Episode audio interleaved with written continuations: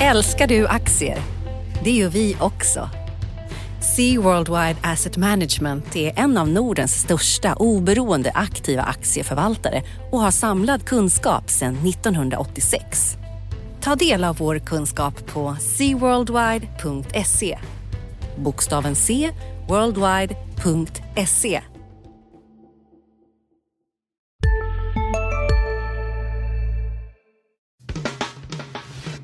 Analyspodden från Dagens Industri. Hej allihopa och välkommen till Dagens Industris analyspodd. Eh, med mig Ulf Pettersson och eh, Johanna Jansson mitt emot. God morgon Johanna, tidigt morgon. idag. Ja, lagom. Jaha, Det är bra. det är bra. Fredag, Ja, fredag. också bra.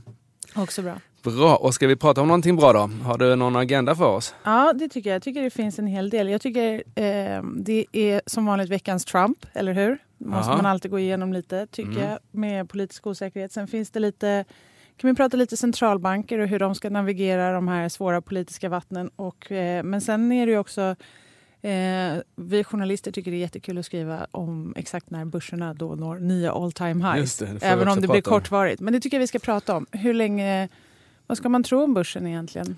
Är man, ska man, du, du får berätta för mig sen, men vi återkommer till det. Ska, Mm. Är du positiv eller negativ? Det beror på. Ja, när det beror på. Idag är det fredag så då kanske man ska vara lite positiv. Ja, Eh, vi, men eh, Jag vi får tycker se. Vi, vi Mm. gräver djupare i det lite Ja. senare här i podden. Och sen så kan vi prata lite om det som händer eh, nästa vecka också. Det kommer lite statistik och Ericsson är ute och pratar i Barcelona. Yes. Och bland bolag så har vi haft ett, men det är inte så länge sedan, Eltel, den här eh, haveriet i Eltel, eh, riskkapitalbolagen som tömmer sina aktiedepåer eh, Mm. i, i aldrig skådad takt tycker jag vi kan prata lite om också. Ska vi ta det här veckans Trump då, eh, så vi börjar uppifrån och ner. vad, hade du, vad tänkte du på där? Eh, Du har ju skrivit också om det här med bolagsskattereformen som både Republikanerna och Demokraterna vill ha. Och det börjar närma sig. Redan då, eh, nästa vecka, sista februari, så ska Trump prata i kongressen. Och man hoppas ju lite på att han ska ge lite mer kött på benen kring det här. Och sen även finansministern har varit ute i veckan och sagt att ja, men det här med skatteförslagen, vi kommer komma med någonting till sommaren. Och börsen har ju gått en hel del på det. Men kan man, finns det några tydliga vinnare och förlorare på det här från svenskt perspektiv? Alltså det, man, det som kommer komma är ju eh, vad vi vet då, det kan ju ändra sig med Trump och sådär. Men det som känns, känns liksom rimligt är ju en sänkning av den höga företagsskatten då från 35 till 20 procent på vinsten. Och sen För som man- Republikanerna vill ha 20. Trump vill egentligen ha lägre, eller Ja. hur? Han har ju sagt 15. Men, ja, men, men det, ja, Republikanerna kanske blir 20. 15 då, han vill väl Ja, men Republikanerna vill ha 20. Ja. Så det är ju. Och sen så är det den här eh, slags eh, importskatt eller vad man ska ka- kalla det. Alltså det ska bli någon slags skatt beroende på hur mycket, hur mycket, som, eh, hur mycket av varan och tjänsten är importerad och hur mycket som är liksom producerad i USA på något sätt. Eh, eh, ja, en, en importskatt kan vi väl kalla det för enkelhetens skull. Då. Eh, och det där är ju negativt för alla som inte bor i USA och säljer till USA.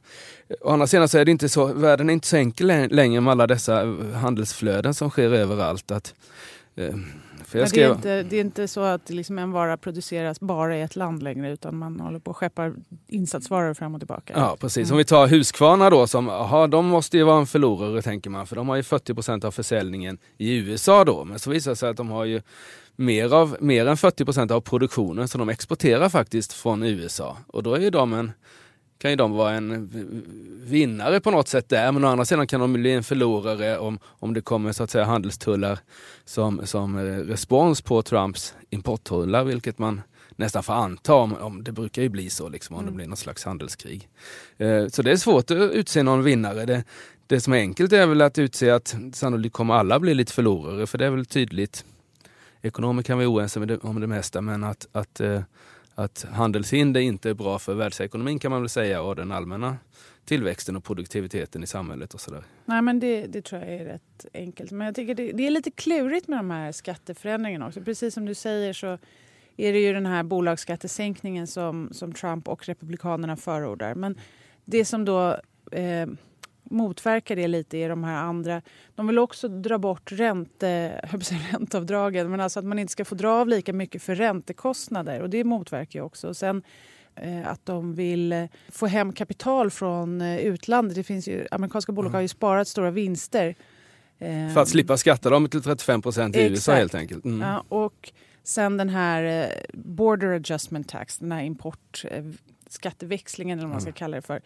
De grejerna borde ju leda till en starkare dollar. Det blir också klurigt. Så att Ja. Även om de amerikanska bolagen borde gynnas av det här visavi resten av världen så kommer de förmodligen få då en förstärkning av dollarn. Sen, bara för att liksom lägga lök på osäkerhetslaxen här på något sätt så är det ju så att om dollarn redan har gått starkt så kanske det här redan är inprisat i, Mm. i Nu har dollarn. inte, nu har och inte, även S&P 500 då som är upp liksom, vadå, 10 procent sen. Ja, 10 procent sedan han tillträdde ungefär. Ehm, eh, Så det, borde inte det här vara... Har vi inte tagit in det här redan? Jo, det Så har vi mycket nog. Det har. Ja, 10 procent är faktiskt ganska mycket just från, från en sån här nivå och, och sådär. Tycker jag 10 procent på att, för att det är mycket liksom i framtiden och väldigt få grejer idag. Eh, så det är det. Men det är klart att det finns ju några saker. Det här generellt att sätta kapital i arbete. Nu, är ju, sig- nu finns det ju ingen kapitalbrist i världen. eh, men det här att han ska liksom aktivera alla dessa, om vi tar Cisco då som, där det sägs att de eventuellt ska köpa Ericsson så har de tre gånger så mycket pengar utomlands som ligger liksom vilande här som, om, som Ericsson är värt. Så de skulle liksom kunna ta en tredjedel av den kassan. Slurp Och, bara. ja, slurp.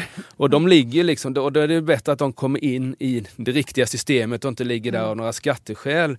Det där kan ju ge en jätteboost men å andra sidan så, alla sådana där enorma stimulanser som inte drivs av någon efterfrågan utan bara drivs av liksom någonting annat blir ju oftast väldigt dåliga investeringar. Och jag är lite... Det är klart att eh, har man varit i USA, nu var det några år sedan då, så är det ju... Landet behöver ju byggas om på nytt. Det är ju liksom, Dålig infrastruktur. ja, det är ju inte alls som södra Europa där EU har liksom gjort eh, kanonfina vägar överallt då. Men, eh, Men skulle det verkligen vara dåliga investeringar? Är det inte nej, det är väl ganska... Ja. Det är nog Ja. bra investeringar tror jag. Nej, men jag tänker att om man... Om man för att man, det är ju så himla svårt att räkna på politik och eh, finans, alltså börs och Mm. räntor och annat. Därför att man har de här olika effekterna som slår... De, dels är de svåranalyserade för man vet inte liksom vad som kommer ske i slutändan om de vattnas ur på vägen.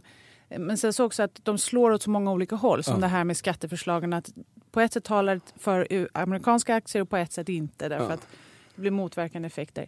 Men det är ju ändå så att det här med politiken och strukturen och skattesystemet, det spelar ju all roll i längden. Alltså till exempel om man då skulle ändra skattesystemet så att amerikanska bolag inte sparar lika mycket i vinster utanför, utanför landets gränser. Det gör ju all skillnad. Och det, Ja. Men, men Alltså därmed, ska de konverteras över till, till dollar så kommer ju kommer det dollarn stärkas förstås. Ja, det, det borde vara så. Den har ju gått redan på det. så Ja. att säga. Mm. Men, men ändå, jag tänker så här, det, det är svåranalyserat men man måste ändå ha med det i bakhuvudet. Det går inte att bortse ifrån. Man kan inte säga att politiken inte spelar roll, för det, det gör den. Men som sagt var, när var det han skulle upp i kongressen? Det var Ja, i Det är näst, sista februari. sista februari, så det är nästa vecka ja.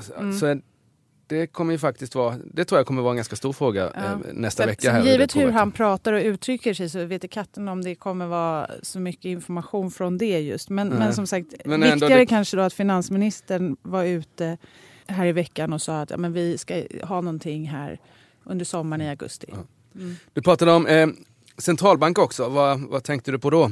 Men jag tänker att just det här med att göra prognoser, för det är, centralbankerna måste ju göra prognoser, och göra prognoser i ett sånt här klimat när det är mycket som rör sig, Mm. eh, inte bara i konjunkturen utan också i strukturen, Mm. eh, gör det ju knivigt för centralbankerna. Och det märker man ju inte minst. Vi hade ett Fed-protokoll här i veckan som var Eh, ja, beroende på vilken, vilka förväntningar man hade så, så kunde man tolka det på olika sätt. Men, men marknaden som, de på marknaden som hade hoppats att Fed skulle liksom flagga för att de höjer räntan redan i mars nästa gång, de blev besvikna och tolkade det som mjukt. Utan man håller alla dörrar öppna fortsatt. Och det, det ser ut som att nästa räntehöjning, stalltipset är fortfarande att den kommer i början av sommaren istället. Mm. Mm. Och var, varför? Och även Riksbanken, svenska Riksbanken var ju kanske lite mjukare än vad många hade trott. Också med hänvisning till ett osäkert eh, politiskt läge i omvärlden. Man vill liksom inte... Varför ska centralbankerna sätta ner foten när det är så många rörliga delar som Mm. inte är på plats? nej, och det var det, alltså, eller vad var, fanns det något extra konkret som gjorde att man liksom flyttade, flyttade från mars till sommaren då? Nej, men då, ja, eller, alltså marknaden flyttade från mars till sommar. Ja. Nej, men det, det var inte så att man flyttade från mars till sommar. Stalltipset var eh, juni redan innan. Där är nästan en hel räntehöjning i stort sett inprisad. Mm. Och eh, det var väl det att hade man hoppats på att man skulle få mer signaler om att det kunde komma tidigare. Mm. Nej, det fick man inte. Mm. Mm. Och därför så, så blev det något lägre marknadsräntor och lite svagare dollar. Men, eh, men det här med men börsen ångar ju på trots att liksom de långa räntorna faktiskt är på väg Mm. Så att istället för att vi förut har haft stigande börs och lägre räntor hela tiden och vi har motiverat att börsen stiger, räntorna är låga. Så Ja. börsen ångar på fortfarande, räntorna är Ja. på väg upp. Men Och det som, det som har satt över som, som liksom drevkar eller vad man ska säga för börsen nu då, det är ju inte de extremlåga räntorna vilket vi har haft tidigare utan nu är det ju då en positiv konjunktur och vinstsyn för 2017, alltså i år, och 2018. hur mycket är säsong i det här? Tänker, du? alltså, vad, hur, hur ser du på den här börsuppgången? För jag menar, det brukar ju vara en positiv börsutveckling. Vi har liksom, efter årsskiftet fram till utdelningarna. Hur, mycket, hur, hur stabilt är det här? Hur, Det, våren, alltså vi, just nu så är vi inne i en traditionellt väldigt stark period fram till eh, april kan man säga har det visat sig. Det har, varit, det har ändrat sig lite. Tidigare het, hette det köp till eh, sillen och sälj till kräftorna men nu ska man nog även ha dem i vår, vårpotatis eller sådär tror jag i, i mars-april Ja, kanske. det är klart, om alla vet att man ska göra så, då, Så- då så- flyttas det ju ja, tidigare precis. hela tiden. Mm. Så det, det kan vara lite säsongsbetonat men, men vi har det som, det som har drivit börsen här eh, sedan Trump tillträdde. Dels så var man ju lite rädd. Man var rädd för Trump eh, som han hade kört ner börsen och sen så tänkte man det kanske inte är så farligt. Han gillar ju liksom höga vinster för företag och sånt där och så har man kört upp 10% börsen på det. Delvis att man inte slutade vara rädd för Trump. Vi har fått en rapportperiod som har varit eh, eh, bra, lite bättre än vad folk kunde tro skulle jag väl säga. Eh, både i USA och Sverige. Och sen så har vi haft, eh, och det kan ju du bättre än jag, men det är väl väldigt starka sådana ISM-siffror och liksom Mm. framåtblickande siffror vad Så det gäller konjunktur. Och det är väl de tre som har kört upp det här. Och så är vi precis vad det gäller Stockholmsbörsen och hackar på den här gamla vin, eh, toppnivån från april 15. Vi var ju uppe, det var väl i, i en kvart eller något sånt där så var vi över. Men, Men om- det var till och med en kvart. Jag trodde det var faktiskt till och med Ja, jag tror, jag tror det var en kvart. Ja. Eh, Du skrev en minut i ett mejl här, men jag tror det var en kvart. Men eh, det går ju att titta eller eh, kolla upp. Men vi har ju faktiskt inte passerat utan man ska räkna på sist, sista kursen på dagen då och där är vi inte än. Och det ser inte ut som att vi blir det idag heller för terminen här på fredag morgonen är ner. Men vi står ju här och, och Och väger. väger. Ja. Men vad, hur känner du för börsen då om man tittar över hela året? Är du, Jag har varit bäsad sen i december kan man väl säga. Jag tyckte att det började gå upp lite för mycket då så jag har haft fel hittills. Sen så har ju så att säga konjunkturutsikterna blivit lite bättre än vad jag än när jag liksom blev bäs i december så nu är jag lite mer vankelmodig men jag jag tror nog att eh, det är inte några rallyn, det är inte 20 procent. Jag skulle säga att, att man behöver liksom inte vara man behöver inte vara överviktad aktie tycker jag inte för det har gått så bra. Vi får väl se. Och sen så är det de här räntor, räntor, räntor, det är ju räntorna som kommer fälla börsen så småningom om det inte blir en finanskrasch någonstans. Eh, vilket det kanske också kan bli, det vet man ju inte. Men, men eh, eh, det är ju räntorna, men än så länge är de så låga så man kanske inte växlar om. Så låt säga att du är en pensionsförvaltare och du ska liksom ge dina eh, kunder 20 års avkastning längre fram så är fortfarande räntorna så pass låga så att man vill ha aktier. Men det kommer ju någonstans när det blir 3-4 procent på, på, på liksom, eh, solida räntor. Då, då tror jag att eh, många pensionsförvaltare och sådana här är ganska nöjda med att ha en ganska rejäl del med eh, räntor med tanke på den låga inflationen. Då behöver man inte ta den risk som det är av ute på aktiemarknaden. Nu har man ju kunnat vara på aktiemarknaden för där har ju direktavkastningen på aktier varit klart mycket högre än räntan. Så det har ändå liksom, om du inte behöver sälja aktier så har det ändå varit liksom ett kassaflöde vilket har varit Med en värld i gungning blir det viktigare än någonsin med kunskap och diskussion. Att värna det fria ordet, för livet och demokratin. Så när du trodde att du visste allt, har vi alltid lite till. Privata affärer plus allt. All journalistik du behöver, samlad. Prova en månad gratis. Sista dagarna nu på vårens stora season sale. Passa på att göra sommarfint hemma, både inne och ute. Och fynda till fantastiska priser. Måndagen den 6 maj avslutar vi med Kvällsöppet i 21. Välkommen till Mio.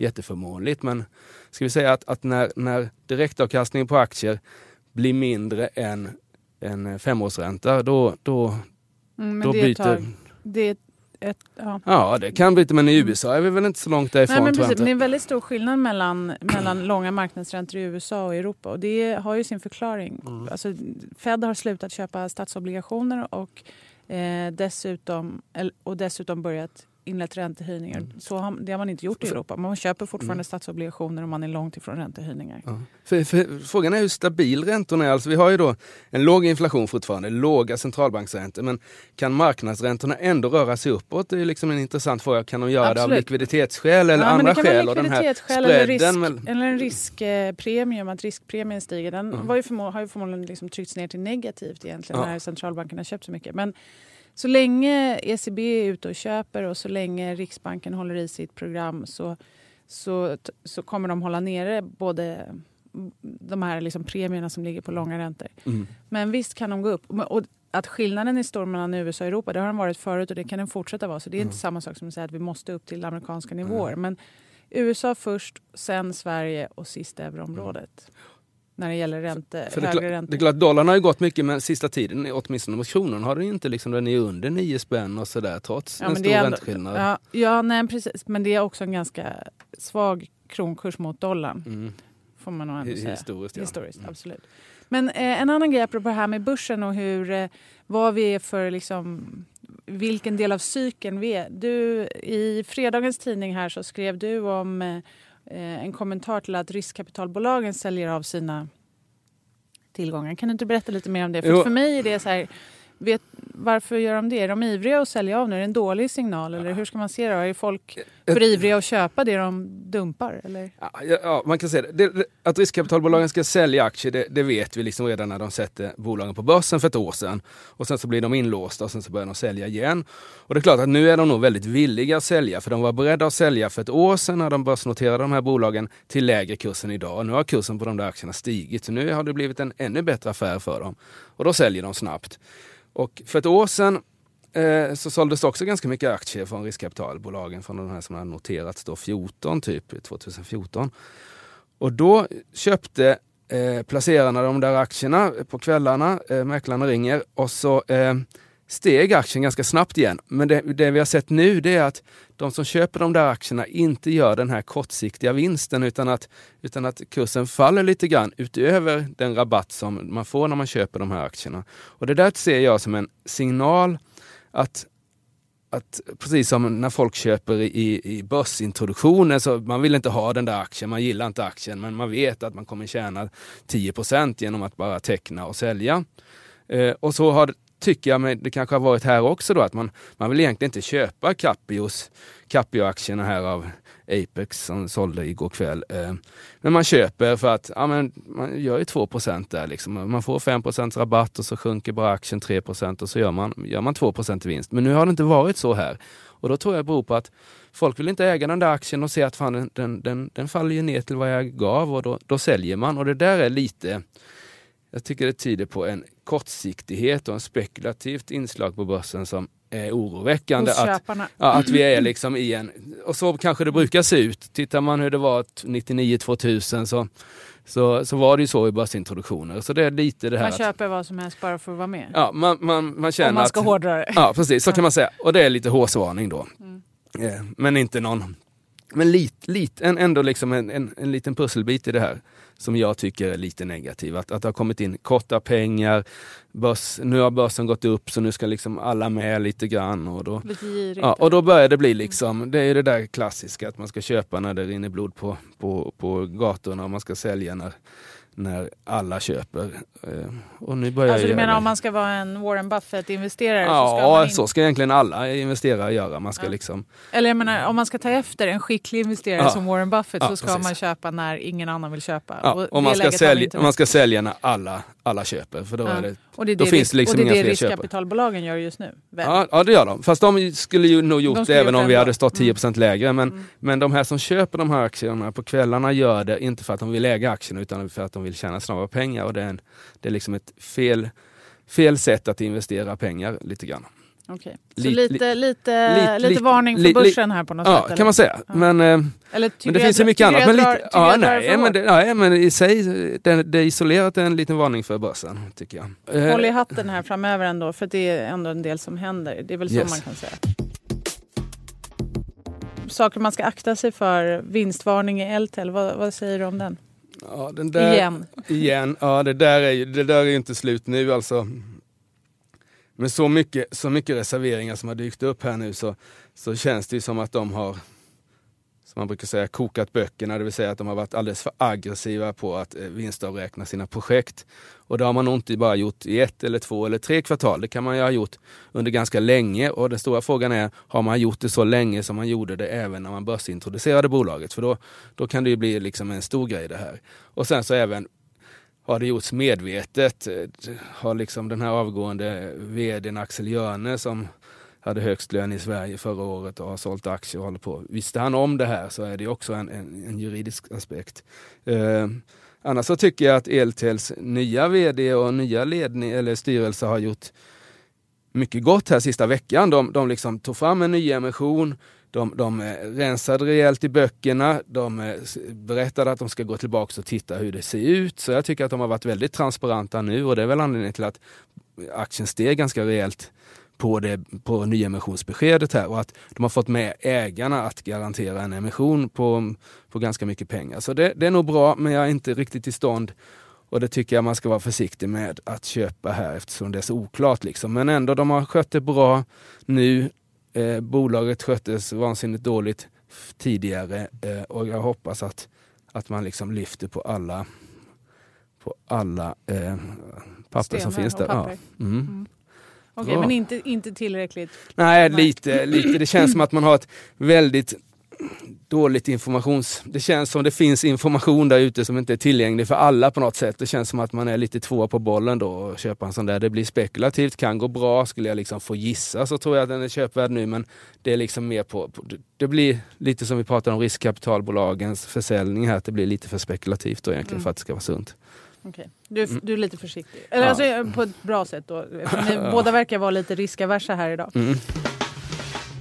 Ska vi säga någonting om veckan som kommer? Det tycker jag. Drar du eh, agendan här lite? Ja, Mm. det, det som vi väntar då här i månadsskiftet februari-mars är dels så kommer det lite makrostatistik. För svensk räkning får vi BNP, bokslut för 2016 Mm. för hela ekonomin. Mm. Eh, vi har ett riksbanksprotokoll och sen så har vi hela fyra Fed-chefer som är ute och pratar på Mm. första fredagen i mars. De ivriga här, de har fått eh, munkavle här, eller i senaste eh, här i veckan så visade det sig att de ska inte få vara ute och prata mer än två veckor, eller de måste vara tysta från två veckor innan ett räntebesked. Aha, Och nu är det fyra som är ute och snackar på fredag. Så att, eh, det kan Är man de ju- samspelta sådär eller får man säga lite vad man vill som riks, eh, sån här...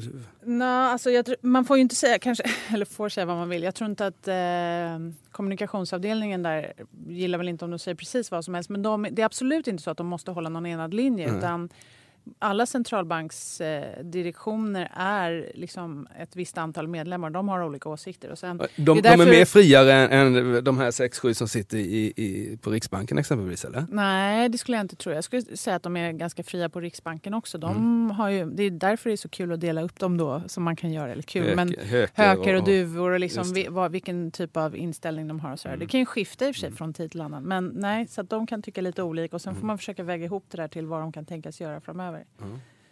Eh, men sen är Ericsson ute och snackar i Barcelona på måndag. Möter världspressen, eller hur? Just det. Det, är blir lite- spännande. Jag ja. tror vi har eh, kört, nå- kört ner någon, någon, någon med kompetens där nere. Jag undrar om Rickard Bråse ska vara där nere men jag Jo. är inte riktigt säker. Det blir också spännande. Det där, och det kommer och det är liksom nu är de där mässorna kanske liksom intressanta igen. De var ju superaktuella typ liksom på 90-talet och sådär liksom när det var teknikboomen och sådär. Och sen har man liksom inte haft koll på de här Barcelona-event och sånt. Men nu börjar det, med tanke på att Ericsson är inne i ett sånt intressant skede här så, så är det klart att det är intressant att ha folk där nere och Mm. höra vad de säger. Är det någonting annat om man tänker sig nu har vi klarat av fjärde kvartalets rapporter. Nu börjar lite styrelse och valberedningar. Ja, nu är det styrelse och valberedningar. Sen har vi aktiverat Anders Hägerstrand här på tidningen som, som, som kommer, kommer liksom prata med de gamla gubbarna och tanterna och sånt och se vad som händer. Och där är det klart intressant. Det är klart att det är intressant att Christer Gardell kom in i ABBs styrelse. Det, nu känns det inte som... Ja, inte han, alltså, men, nej, men, vi- via- men, men, men han, han, har en, han har en representant där. Ja. Eh, jätteintressant och det, det kan göra att det händer saker i ABB exempelvis. Mm. Igår kväll kom den här SCA-uppdelningen då, eh, vilka som ska sitta i styrelsen för skogsbolaget och eh, eh, hygienbolaget så att säga. Eh, också intressant. Eh, och sen så har vi fått då eh, massor av nya styrelseledamöter i Swedbank här. Det var lite intressant. Det var två stycken som idag sitter i Hoist Finance som gick in i Swedbank och det känns liksom man brukar liksom inte plocka så liksom. Man, till landslaget brukar man inte plocka division 3-spelare men det gjorde man här. Men det, du, det kanske du är inte bra. superförtjust i de här... Nej, de där är jag inte alls förtjust i. De här, Hoist alltså? Nej, Hoist. Det är väl inget skum, skumt bolag så, men jag tycker själv, själva liksom idén och den är kanske inte, jag kritiserar kanske inte så mycket Hoist ledning för de utnyttjar bara ett, ett, ett, ett felaktigt system. Men om man tar Hoists affärsidé så lånar de pengar under, under eh, den här insättningsgarantin i Sverige. För de pengarna så köper de förfallna krediter i Spanien och Grekland. Eh, så det som betyder är att staten garanterar så att säga att någon ska tjäna pengar på grekiska dåliga lån till och med. Alltså alla lån är ju dåliga i Grekland, de köper de sämsta. Och det är ju så. Och sen så den svenska verksamheten så lever ju, lever ju Hoist och Collector och de är väldigt högt på att på att eh, vi har ett väldigt effektivt sätt att driva in skulder på i Sverige där man kan skicka folk till Kronofogden och få löneutmätning på, på någon månad eller två.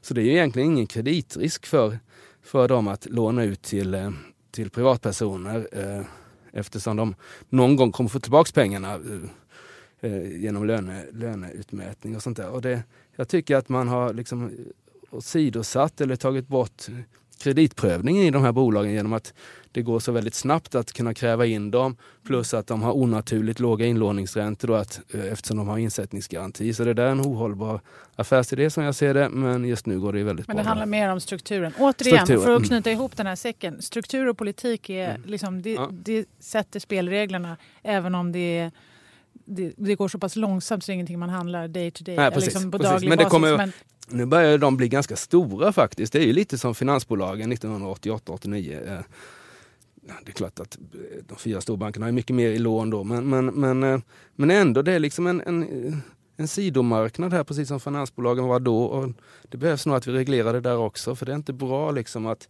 att eh, hundratusentals svenskar liksom är, är så hårt skuldsatta som det är. Det är liksom inte bra eh, på något nej, sätt. Liksom. det, men det, och det, det kan vi återkomma till. För Mm. det är en käpphäst jag har också. Det här med att, att lagstiftningen kring eh, skuldsättning är lite för hård i Sverige. Ja, det är den. den är ju, och där, där tycker jag att man, bankerna har, okej du har ett ansvar, om du, om du lånar massa pengar som du inte kan betala tillbaka så har du ett ansvar. Men även den som lånar ut har faktiskt ett ansvar att, att säga nej liksom. Ja. Göra en kreditprövning. Ja, men det blir Ja. spännande. Det får vi ta i nästa podd. Det får vi göra. Eh, tack ska du ha Johanna och tack allihopa som har lyssnat på oss denna fredag. Eh, ha en skön helg, kolla på skid-VM och så hörs vi nästa vecka. Det gör vi. Ha det gott. Hej. Analyspodden från Dagens Industri. Podden redigerades av Umami Produktion. Ansvarig utgivare Lotta Edling.